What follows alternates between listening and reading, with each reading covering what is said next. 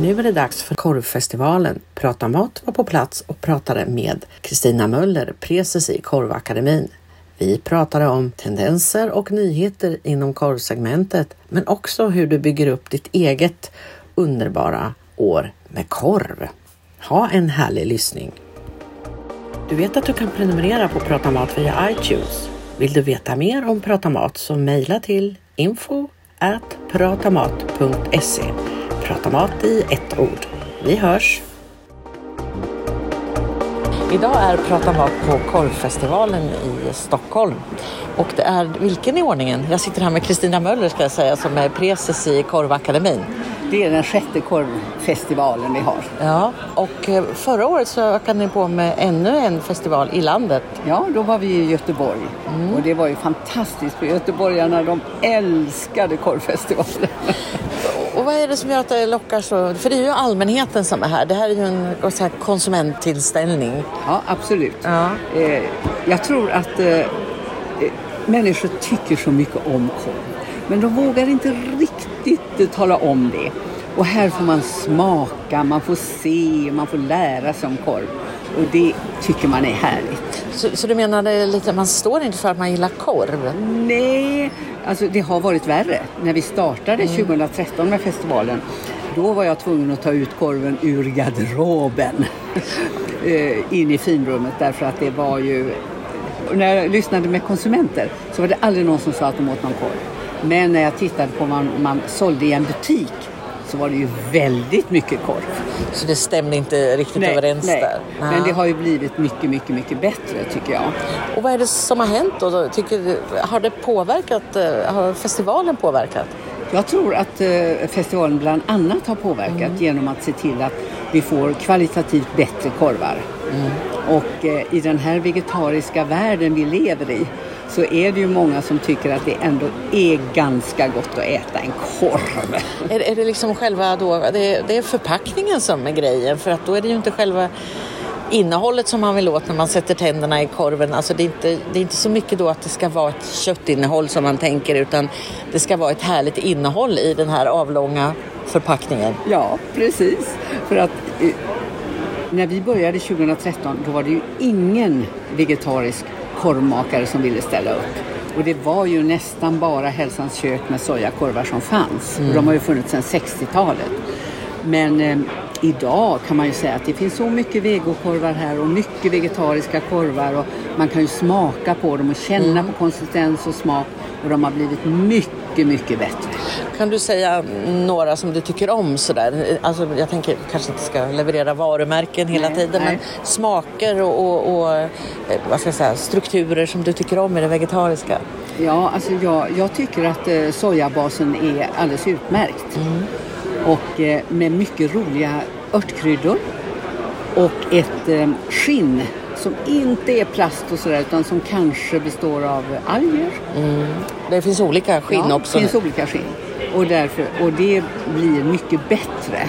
Då får man lite knäpp i korven och ehm, det, den blir lite bättre. Men det är klart för mig som korvälskare, köttälskare så är det ju lite svårt med konsistensen. Fortfarande? Ja, fortfarande Vad är det som är fel? Den har inte samma spänst eller Nej. det har inte al dente på samma sätt kanske? Nej, eller? om man säger att eh, en vegetarisk korv innehåller bönor till exempel Mm. eller ärtor så blir det ju den där lite mosiga konsistensen.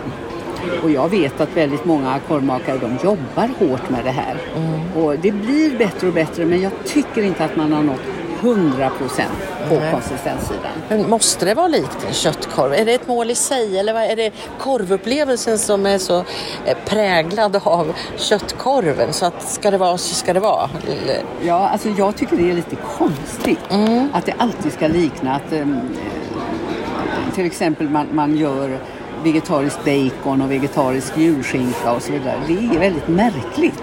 Men det verkar som om man eh, ändå om familjen äter vanlig korv att eh, den som är vegetarian också ska få en korvliknande produkt.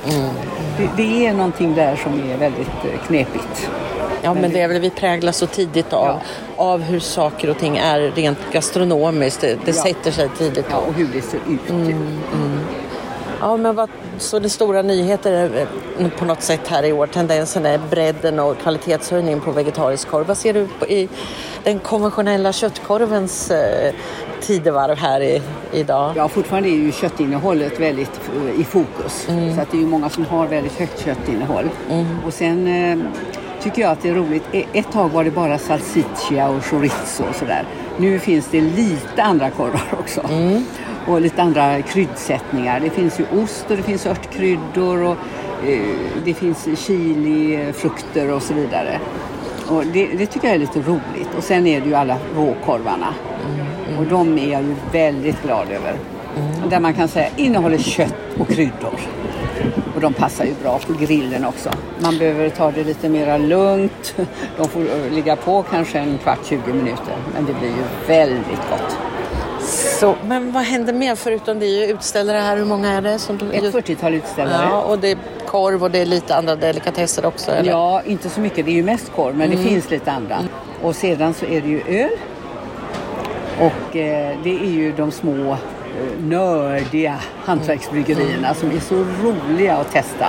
Och som testar, man testar till korven också. Och där har vi en annan trend med öl. Det här med ölen ser vi väldigt en tillväxt också. Ja, och mycket In- alkoholfritt också. Ja. Det är ju en fantastisk produkt. Är det någon favoritöl du har här än? Ja, jag tycker det ölet som bryggs här på Münchenbryggeriet. Alltså Münchenbryggeriet är ju ett bryggeri men de har aldrig bryggt öl. Inte, ja, inte på senare år. Men förra året så började de lite lätt med en folköl. Men idag så har de ju eh, starköl och de har fantastiskt fina eh, ölsorter och de har verkligen satsat på öl.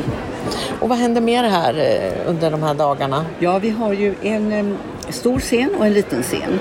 Och på den stora scenen så inviger LRFs VD Anna-Karin Hatt eh, korvfestivalen.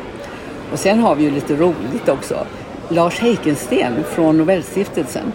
Han kommer och berättar om Nobelfesten och korv. Sen berättar han ju om att för två år sedan, 2018, så började de att bjuda på korv när gästerna gick hem. Och då har de ju haft både vegetariskt och annan korv.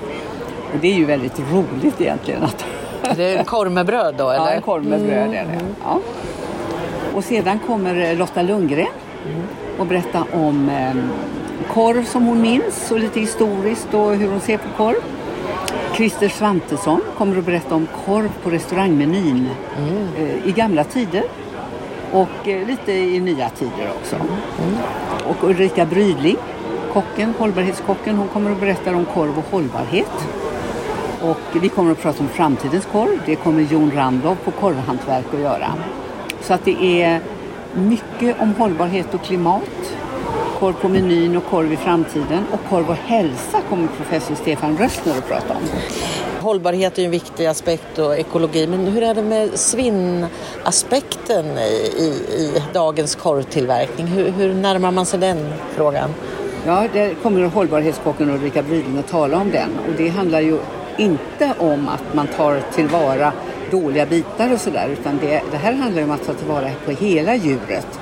Så att man verkligen använder allting och inte låter det gå till svinn. Men Det delas ut priser här också och det är bland annat årets korvprofil. Ja, som tilldelas i år Andreas Öbrink på Gudruns. Och vi har ju delat ut det här priset eh, i alla år. Och då har det varit småskaliga hantverkare och så vidare. Men vi tycker att eh, en, ett sådant företag som Gudruns som är så innovativt och där Andreas Ögren har så mycket idéer och roliga saker. Och han samarbetar ju väldigt mycket med Christer Svantesson. Sen har vi ett hederspris va, också? Ja, det delar vi ut. Det har vi förut delat ut till Ove Törnqvist och Birgitta Stark på Stensåkra och några till. Men i år går det till en riktigt fantastisk korvperson. Han, han fyller 80 år i år och han heter Bruno Fortkord. Och vem är han då? Hur Ja, kommer det att han... han har en korvkiosk på Rosenlundsgatan här på Söder. Mm. Och han har stått i sin kiosk år efter år efter år. Och han har också ett stort, roligt, härligt sortiment med korv. Men det, det är ett, ett enmansföretag. Så Ja, det är det, absolut. Ja, och han driver den helt ensam? Ja. Ja, fantastiskt. Ja. Och sen har vi årets korvkiosk också. Ja, och vi försöker ju att komma bort lite från Stockholm och titta på övriga landet. Och vi är ju 12 ledamöter i Korvakademin och alla får nominera. Och i år så kom nomineringen ifrån Leons kiosk i Norrköping. Och eh, då tar man upp det vid bordet när vi eh, sammanträder Korvakademin. Eh, och vi var ganska tidigt överens om att det måste bli den här korvkiosken. För det är verkligen en korvkiosk. De har inte så mycket annat. Utan de säljer korv med tillbehör och fantastiskt mos och så vidare. Men eh, det är ju en tendens eh, vet jag att gatuköken för ju en tynande tillvaro och där försvinner en hel del av korvutbudet. Men hur ser det ut med korvkiosken? Hur ja. mår den i landet? Jo, men den går ju ganska bra, men det beror ju på att man har mycket annat än korv. Mm, mm. Ja, alla kebaber och man har ju eh, ja, alla möjliga olika typer av korv. Så det märks inte så mycket att det är Nej, korv? Nej, det märks inte Nej. så mycket. Men den här korvkiosken har just korven och det tyckte vi var så roligt att de har. Är det de ni letar efter? Ja, lite sådär. Mm. Och hur är tillväxten då? Om man ser den här kvalitetskorven, kan den nå ut via, är det en affärsmöjlighet att nå ut via korvkiosk för dem? Som ja, det är det absolut. Mm. Och här på korvfestivalen så ser man ju många av de unga korvmakarna som är så entusiastiska så det är helt galet. Man funderar ibland lite men de är så härliga. Och de vill mycket, de har stor kunskap och de försöker lära sig också.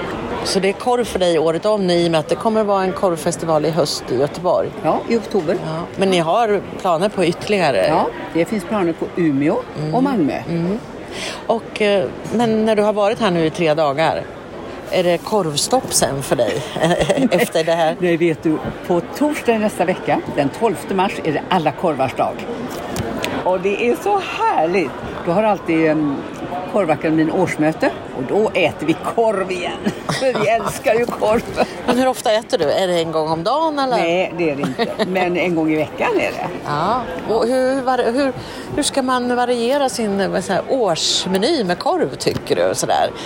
Favoriten på vinter, vad tycker du? Ja, men då tycker jag en riktigt god grynkorv okay, från gryn... Skaraborgs län. Det var på vintern nu? Ja, på vintern med mm. mycket rotfrukter och härlig senap. Och så, så går vi vi hoppar vår, vi tar, ja. så tar vi sluta med det. Men då tar vi höst, på hösten.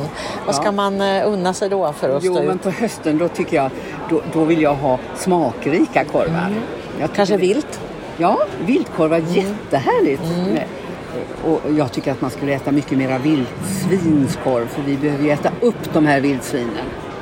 Och sen eh, sena absoluta glöggtider, jultider, vad är det för korvar du njuter av då? Ja, men jag tycker ju jag tycker ju om eh, alltså salamikorvar och mm. att man skär tunna skivor av rökta, kallrökta korvar och så. Det tycker jag är fantastiskt gott. Men nu då, nu tycker vi ändå det är vår. Vi säger ja. att det är vår. Vad vi säga? Vår och försommar. Vad ja, passar då? Grilltid sådär. Mm. Då tycker jag att man ska grilla råkorvar. Fina råkorvar. Sakta på grillen och äta dem med underbara vårgrönsaker, en sallad eller någonting. Åh, det är så gott! Men då tackar jag dig för det här samtalet med inspirerande idéer om hur man ska bygga upp sitt korvår och eh, önskar lycka till. Tack så mycket. Tack. Vill du veta mer om Prata Mat så mejla till info pratamat.se Prata mat i ett ord. Vi hörs!